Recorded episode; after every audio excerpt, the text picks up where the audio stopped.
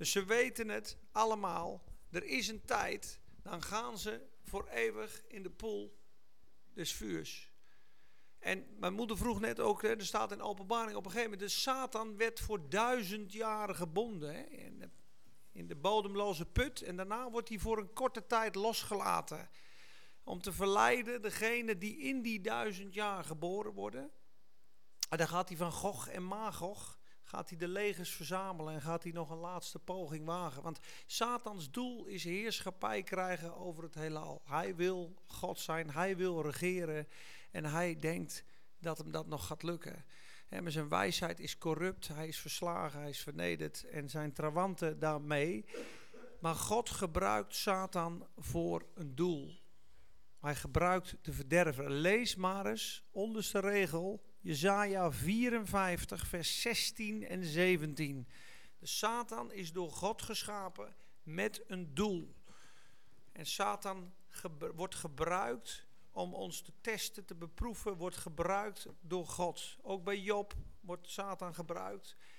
En ehm, waar die ook gebruikt wordt, is straks de antichrist gaat bijvoorbeeld het gedurige brandoffer. Hè, de, de, straks wordt de tempel herbouwd in Israël. En in plaats van dat de Israëlieten Jezus gaan aanbidden, gaan ze weer verder met de tempelofferandes. Ze gaan gewoon weer stieren, weer bokken. En het is zelfs zo dat de heilige stad straks 42 maanden vertreden wordt van de heidenen. En het, dat brandoffer en die oude manieren gaat God vernietigen, zelfs door de antichrist heen. En er staat op een gegeven moment dat het Babylonische systeem, er staat in de openbaring, dat God gaf de koningen die opstonden van één hart en één ziel te zijn, opdat zij samen de grote stad vertreden en verbranden zouden. Dus God gebruikt zelfs onrechtvaardige koningen en de Satan om tot zijn doel te komen. Dat gaat heel diep, gaat heel ver.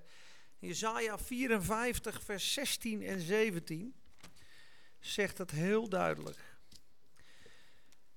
Zie, ik heb de smid geschapen en het kolenvuur, die het kolenvuur aanblaast en wapentuig vervaardigt, geschikt voor zijn doel. Zie je dat? Geschikt voor zijn doel. Ik heb de verwoester geschapen om ten gronde te richten. En dan de belofte, elk wapentuig dat tegen u wordt vervaardigd, zal niets uitrichten. Dus elk wapen wat tegen u gesmeed wordt, staat er, zal niets uitrichten. Elke tong die in het gericht tegen u opstaat, dus elke tong die jou veroordeelt, zult u schuldig verklaren.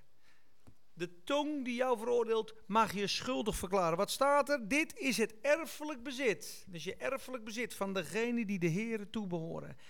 De dienaren van de Heer en hun gerechtigheid is uit mij. Hun onschuld is uit mij, spreekt de Heer. Je bent onschuldig. Elke stem die jou veroordeelt of aanklacht, mag jij, moet jij verdoemen. Tot schuld stellen. Jij bent verdoemd, Satan. En hij is geschapen, dus dat zie je heel duidelijk. De volgende. Ja, die hebben we al. Dit is een hele mooie. Uh, we hebben er al een paar gehad. Ik ga naar 1 Johannes 2, vers 14. Achter in je Bijbel. Dit is gewoon om je te versterken in het geloof, om te zien hoe nodig het is dat je de Bijbel kent. Straks zie je dat ook in Matthäus 4. Heer, we danken u ook voor een zegen voor dit tweede gedeelte, Heer, dat u het leidt. Dat u komt met uw Heilige Geest, onze harten verzadigt en vervult, Heer. Heer, in onze zwakte komt u. Dank u wel dat u het woord bent, Heer, het levende woord, wat een licht is op ons pad. Heer, een lamp voor onze voet. Heer, u bent de inwonende Jezus in ons. Heer, u bent sterker dan de vijand. Heer, u leeft het leven voor ons. Heer, ik dank u wel dat u het levende, sprekende woord bent. Dank u wel, Heer, dat u en ieder die hier is, Heer, bevestigd in het geloof, versterkt in het geloof. Heer, dat we alle leren bidden, alle leren staan in overwinning zoals het behoort, Heer. Het is het normale christelijke leven. Dank u wel voor uw zegen. 1 Johannes 2, vers 12 begin ik. De wereld niet liefhebben staat erboven. Ik schrijf u, lieve kinderen, want de zonden zijn u vergeven omwille van zijn naam.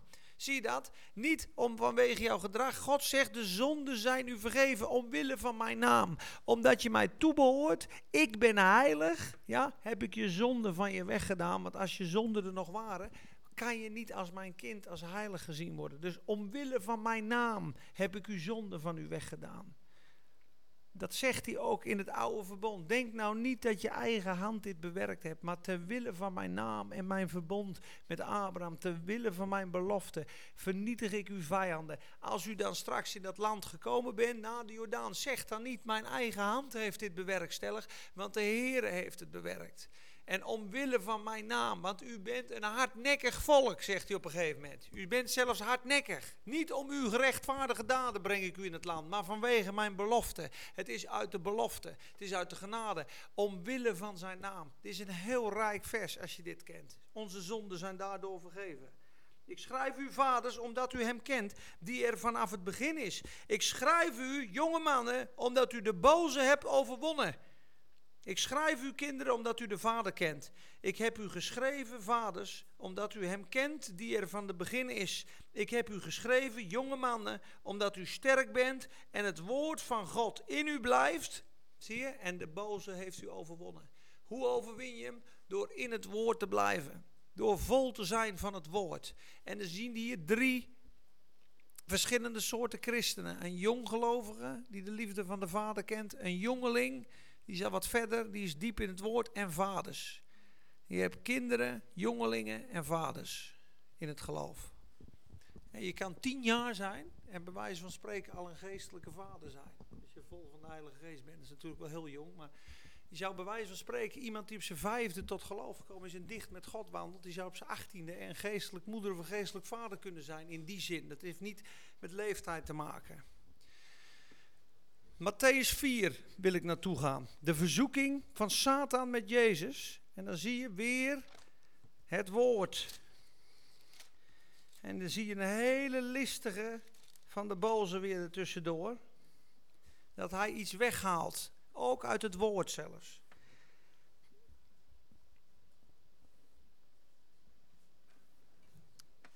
Vers 1. Toen werd Jezus door de geest weggeleid naar de woestijn om verzocht te worden door de duivel. Hij wordt weggeleid door de geest om verzocht te worden voor de duivel. Dat is Gods plan. God wil dat wij verzocht worden op bepaalde punten.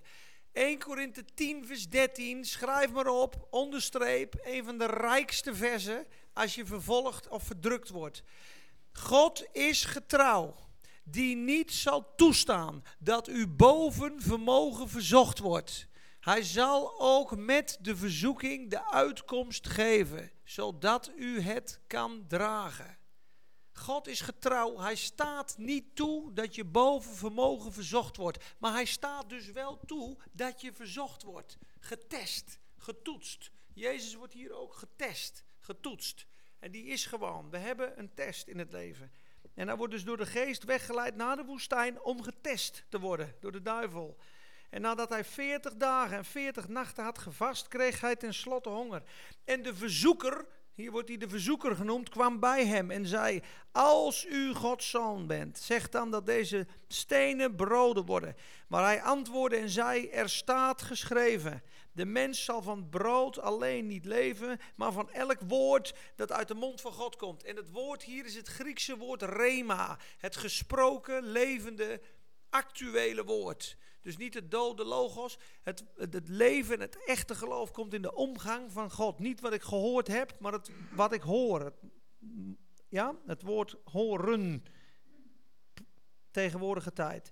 Toen en dit vind ik dus zelf moeilijk te begrijpen, dat Jezus dus eigenlijk niet nee kan zeggen. Toen nam de duivel Jezus mee naar het dak van de tempel en liet hem dat zien. Dus er zijn dus dingen die Satan in onze gedachten kan doen, waar we dus niet mee kunnen gaan. Want ik denk, waarom gaat Jezus mee naar het dak van de tempel? Hij nam hem mee naar een hoge berg. Hij nam hem mee naar het dak van de tempel. Moet je nagaan dat Jezus zou zeggen, daar heb ik helemaal geen zin in. Ga weg. Snap je? Dus die verzoeking is er. Er is een bepaald terrein waar Satan ons kan verzoeken.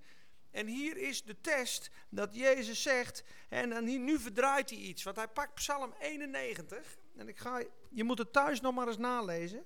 En hij zegt, De duivel neemt hem mee naar de heilige stad en zet hen op het hoogste gedeelte van de tempel. En zei tegen hem, als u de zoon van God bent, werp uzelf dan naar beneden, want er staat geschreven, dan komt hij met het woord, Psalm 91 vers 11, dat hij zijn engelen voor u bevel zal geven en dat zij u op de handen zullen dragen, opdat u uw voet niet misschien aan een steen stoot. Nou, dan ga ik hem even lezen in Psalm 91. Moet je kijken wat hij weglaat. Hij laat iets weg. Hij laat namelijk het zinnetje weg wat overwinning brengt. Vers 11 zegt, want hij zal voor u zijn engelen bevel geven. En dan gaat hij naar vers 12. Ze zullen u op de handen dragen, zodat u uw voet aan geen steen stoot. Dat doet hij. Maar weet je wat vers 11b zegt? Hij zal voor u zijn engelen bevel geven. Zij zullen u bewaren op al uw wegen. Dat zinnetje haalt hij er tussenuit. Zij zullen u bewaren op al uw wegen. Dat geeft heel veel geloof. Dat haalt hij er tussenuit. Dat zinnetje. slaat hij over. U zal niks gebeuren. Dan zegt hij, er staat geschreven, gij zult de Heer uw God niet verzoeken. Opnieuw nam de duivel hem mee, nu naar een zeer hoge berg. En hij liet hem al de koninkrijken van de wereld zien met hun heerlijkheid. Hij zei tegen hem, dit alles zal ik u geven, als u knielt en mij aanbidt. Toen zei Jezus, ga weg, Satan. Want er staat geschreven, weer het woord, de Heere uw God zult u aanbidden en hem alleen zult u dienen. Zult gij vrezen, zult gij aanbidden. Toen liet de duivel hem gaan en zie, de engelen van God kwamen en dienden hem. Zie je dat het weer het woord staat? 1 Petrus. 1 Petrus 5.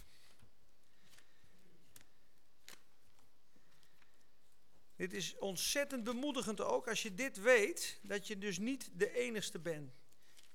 Kijk, als je je afvraagt of dit normaal is. Hè, ik heb dus wel eens iemand gesproken die zei: Ja, maar de duivel die bestaat al helemaal niet meer, joh. Jezus heeft hem verslagen, die komt gewoon nooit meer terug. Na dat punt wat ik nu net gelezen heb, dat Satan weggaat, zegt die hebben we hem nooit meer gezien. En Jezus heeft hem ook verslagen, dus ja, waar heb je het over? Ik zeg, maar er staat toch wel zeker duidelijk dat hij rondgaat als een briesende leeuw. En dan kwamen we op dit gedeelte. Hij zegt dus, de Satan bestaat niet meer. Hè? Die, is, die is helemaal van het toneel. Dat is niet waar. In die zin, hij is wel verslagen, het is een halve waarheid, maar wij zijn in deze aarde en moeten hem overwinnen. En dat staat hier in 1 Petrus 5. Werp, vers 7, al uw zorgen op hem, want hij zorgt voor u. Wees nuchter en waakzaam, want uw tegenpartij, de duivel, gaat rond als een brullende leeuw op zoek naar wie hij zou kunnen verslinden. Bied weerstand aan hem, vast in het geloof. Nou komt hij, in de wetenschap dat hetzelfde lijden ook aan al uw broeders in de hele wereld opgelegd wordt. Dat is voor mij heel bemoedigend geweest. Want deze druk en deze aanvallen hebben alle christenen, zegt hij. Wederstaat hem vast in het geloof, wetende dat ditzelfde lijden aan al uw broeders over de hele wereld plaatsvindt. En als je vaststaat in het geloof, net als uh, Jacobus, zal hij van je vlieden. En dit is in het geloof, Christus in u. Christus in u. Laat Christus voor u strijden. Hij die in mij is, is groter dan die in de wereld is. Zie je dit? Hij gaat rond als een briesende leeuw. En de briesende leeuw staat vanuit Spreuken 19 voor een boze koning. Dus hij briest eigenlijk, God is boos op jou. God is boos op jou. Dat is de eerste. Wedersta hem vast in het geloof. We gaan naar Efeze 6, de mooiste. En dan ga ik een paar sheets verder, stuk of vier, dan krijg je de geestelijke wapenrusting. Anders wordt het te laat. Deze PowerPoint komt ook op de site, dus je kan alles rustig nalezen. Het, is, het zijn 20 sheets, anders wordt het echt te veel. Maar de geestelijke wapenrusting in hoofdstuk 6 van Efeze, ik durf te beweren, als je deze dingen doet, ben je absoluut onverslaanbaar. Absoluut onverslaanbaar. Dit is helemaal waterdicht. Mag die verder? Nog één verder? Nog één? Nog één? Ja, dit is hem. Zal ik even gaan staan? Dat is wel leuk, hè? Zeg mijn vrouw wel eens, je moet gaan staan joh, dat is veel beter. Beetje actief zijn. Heb ik een aanwijsstok, dan kan ik het doen. Nee, ik ga hier wat over vertellen en dan gaan we dit uh, proclameren en dan wil ik het ook uh, beëindigen en dan vragen beantwoorden. Maar hier zit heel erg veel in. Verder, mijn broeders, wordt gesterkt in de Here en in de sterkte van zijn macht. Dit is de macht van God. En we hebben het gehad over de zeven geesten. Weet je hoe de macht van God komt? De strengthening of might, de spirit of might, komt door gebed en voornamelijk wachten op God. Jezaja 40, vernieuw je kracht, wacht op God. Het is de geest van raad en sterkte. Zonder de raad is er geen sterkte. Dus heb je de kracht van God is wachten op God, zijn stille stem verstaan, de raad van God voor de situatie. En dan zit je vol met openbaring en vol met geloof. Dat is de sterkte van God. In die kracht ga je staan. De hele wapenrusting, zodat u stand kunt houden. heb ik wit gemaakt. Stand houden is je positie van overwinning vasthouden. Je hoeft niet te strijden, het is al volbracht. Je moet alleen de, uh, hoe zeggen ze dat mooi, de verlossing eigenlijk doorvoeren. Je strijdt niet voor de overwinning, maar vanuit de overwinning. Dat moet je goed begrijpen. Tegen de listige verleidingen van de duivel. Daar komt hij weer aan, die listige strijder. Want we hebben niet te strijden tegen vlees en bloed. Als je ruzie hebt met je geliefde, als je ruzie hebt op je werk, je strijdt niet tegen diegene op je werk, je strijdt niet tegen je vrouw, je strijdt tegen de macht die erachter zit. Zie daar doorheen. Overwin het kwade door het goede. Reageer niet terug. Dreig niet terug. Dat is precies wat hij wil, die slang. Voeden, voeden, voeden. In het verkeer word je afgesneden. Je reageert in het vlees. Het is iemand die je wil triggeren. Blijf rustig. Zegen Romeinen 12, vers 12. Verblijd u in de hoop, volhard in het gebed, geduldig in de verdrukking. Halleluja, Heer, dank u wel. Ik ga er niet op in. Ik zegen mijn vrouw, anders loop je maar weg. Maar ga er niet op in. Ja, je kan toch even, je kan toch even weglopen? Soms moet je even naar de tuin en dan eh, prijs uw grote naam. Halleluja, en dan kom je weer terug. Soms lukt het niet. Binnen vijf minuten. Halleluja. Maar meestal, gaan, hè, we zijn heel erg gegroeid daarin. Vroeger waren we, hadden we ruzie, dat duurde dagen. Nu heb je een woordenwisseling, duurt het uh, niet bijna niet lang meer ook. En het is ook zo, zo goed. Het gaat steeds... Die komt ook nog langer zo. Je bent profetisch. Maar in ieder geval, we strijden tegen de overheden tegen de machten, tegen wereldbeheersers van de duisternis van dit tijdperk, tegen geestelijke machten van het kwaad zie je in de hemelse gewesten. Ze zitten in de hemelse gewesten in die tussenlaag. Ik heb wel vaker gezegd, leef je vleeselijk, zit je onder de eerste laag, trappen ze jou naar beneden. Ben je in de geest, zit je met Jezus in de derde hemel, trap je hun in hun nek, is die onder je voet. Dat kan alleen in opstandingskracht. Dat kan alleen in de kracht van de Heilige Geest. Neem daarom de hele wapenrusting van God aan, opdat u weerstand kunt bieden op de dag van het kwaad. Het is niet elke dag zo gelukkig, die aanvallen. Er is een dag, de evil day, die kan gewoon komen. Dan is er een dag, dan heeft Satan die dag of een macht op je gesteld, of hij denkt van die groeit hard, of dat gaat te goed. Er komt een dag, dan valt hij je volkomen aan, de hele dag. Dan denk je, wat is er aan de hand, joh? Ik weet niet wat ik meemaak. Dat zijn zijn vurige pijlen die hij op je afschiet. Er zijn, gelukkig staat er dag. De dag van het kwaad, niet de dagen. Dus dat gaat voorbij, dat is een storm. Maar er is een dag van het kwaad dat zijn vurige pijlen continu op je komen. Dat je denkt, wat is er aan de hand? Ik word uitgescholden, ik word moe, ik krijg rare gedachten.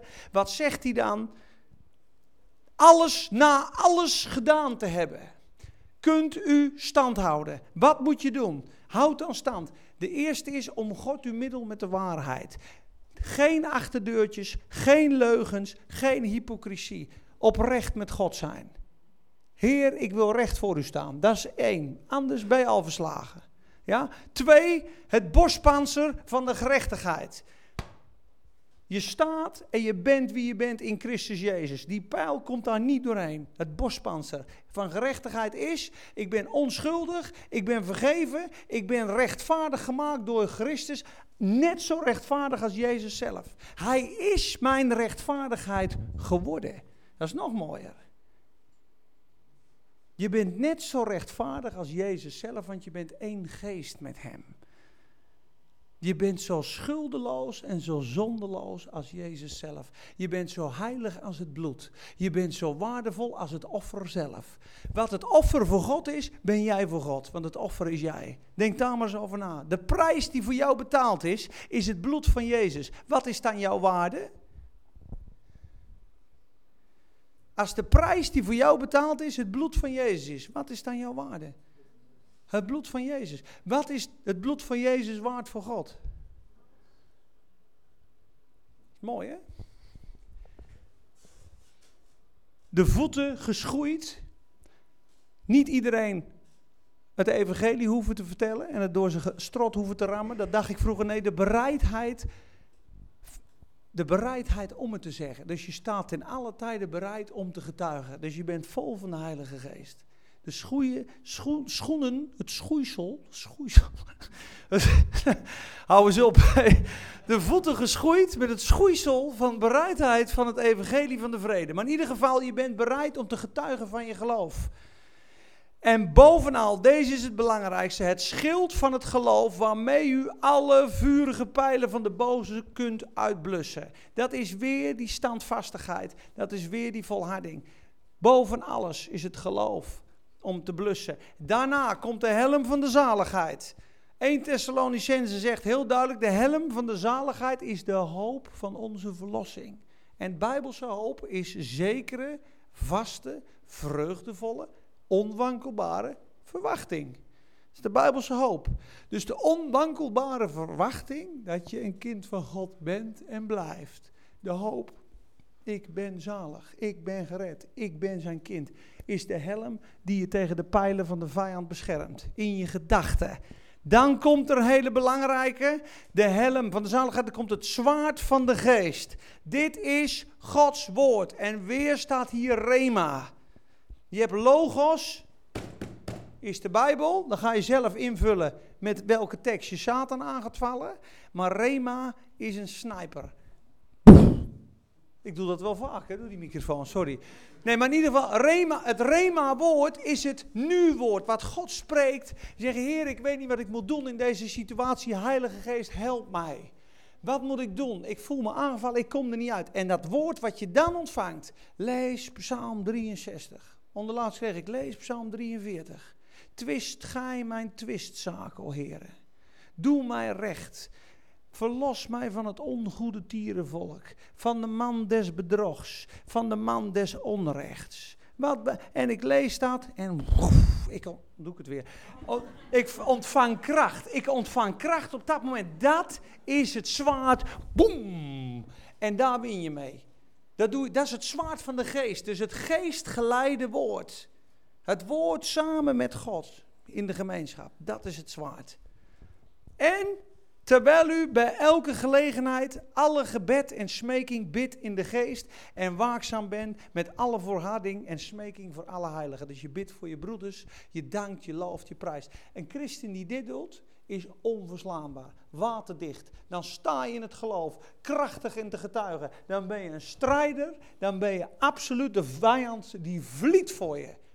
Dan ben je geen zwakke, bevende christen. Amen. Lees dat thuis nog maar eens na. En onderstreep het en proclameer het en overdenk het.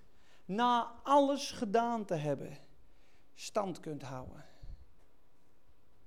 Oké? Ik zal wat vragen beantwoorden. Als ze erin zitten. We kunnen ook helemaal geen vragen. Volgens mij. Hebben we vragen? Oh. Ik denk dat er zit heel geen vraag in. Kijk eens aan. Waar staat iets over de wereld voor het paradijs.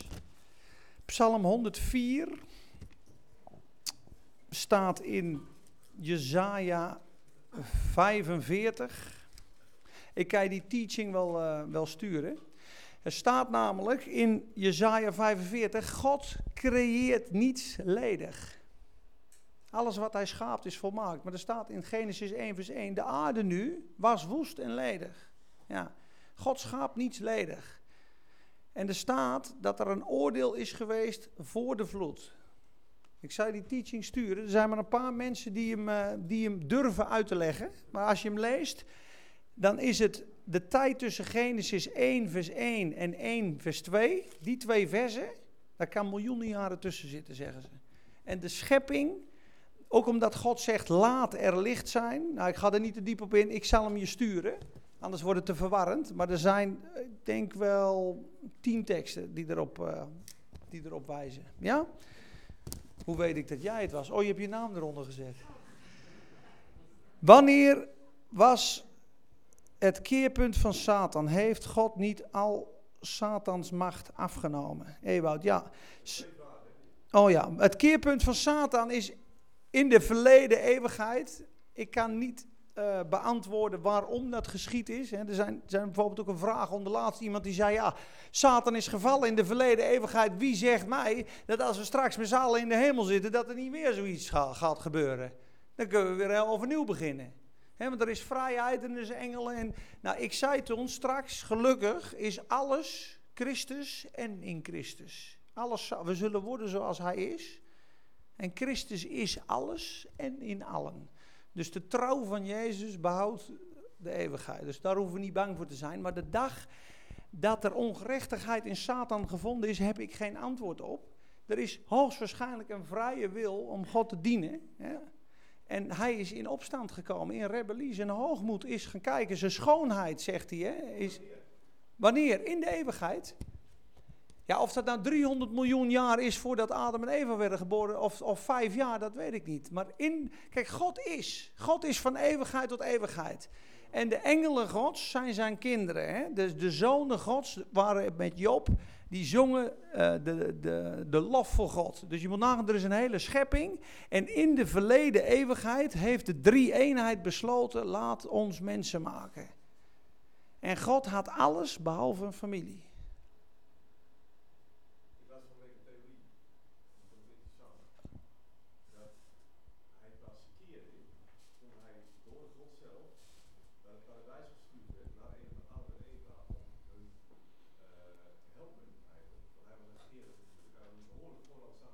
Mm -hmm. En toen zag uh, dat Adam en Eva toch wel behoorlijk uh, uh, vooraanstaand waren door onszelf. God zelf liep elke avond met hun samen door de tuin. Mm -hmm. En dat dat het moment was dat, dat, dat Satan dan Ja, zou kunnen. Ik zeg niet dat het mijn theorie is, maar nee. Ja. Ja, ja, ja, maar dat klopt niet helemaal, want uh, Jezaja 14 zegt duidelijk, hij was al in het paradijs, snap je? En hij zegt, ik zal opklimmen ten hemel. Heel veel denken, hij is uit de hemel gevallen, maar hij zegt daar, ik zal opklimmen ten hemel en mijn troon zetten aan de allerhoogste. Dus hij was in het paradijs, die Gerub. En hij is daarna als slang teruggekomen om te verleiden. Maar Weet je, er staat duidelijk dat door de, uh, door de valsheid van zijn handel, de veelvuldigheid van je handel, van je wijsheid, die heb je corrupt, ben je gaan zondigen, door je hoogmoed en je trots. Dus er staat duidelijk hoogmoed en trots in Ezekiel 28 en 14. Hij wil aan God gelijk zijn. Dus het heeft nog niet eens zozeer met Adam en Eva te maken. Hij wil God zijn. Dat, dat haal ik er althans uit. Ja, hij wil Gods schepping kapot maken. Tuurlijk, tuurlijk. Hij wil Gods schepping kapot maken. Hij kijkt maar naar Herodes, alle babytjes. Kijk maar naar Kain. Kijk door de hele Bijbel heen met Mozes, Farao. Hij is constant het zaad van de vrouw aan het vernietigen. Hij vernietigt nu door ISIS, vernietigt hij de kerk. Door Paulus vervolgde hij de kerk. Waarom vervolgt gij mij? Hij doet er alles aan. Hij is antichristus. En dan de volgende vraag was: Heeft God al niet Satans macht afgenomen? Ja, hij heeft alle macht afgenomen van Satan. Alleen hij, de macht die hij heeft, is die wij hem geven. En die een mens hem geeft. Dus op het moment dat een mens in ongerechtigheid leeft. en in, de, in het rijk van de wereld Satan voet geeft. heeft hij macht over je. Op het moment dat jij op de grond van God gaat staan. Hè, dan zie je dat hij machteloos is. Maar de, op het moment dat je zijn leugens gelooft, heeft hij macht over je, want je gelooft zijn leugen. Je, op het moment dat je zondigt, heeft hij macht over je. En Spreuken 5 zegt heel duidelijk, hij wordt gebonden met de koorden van zijn eigen zonde.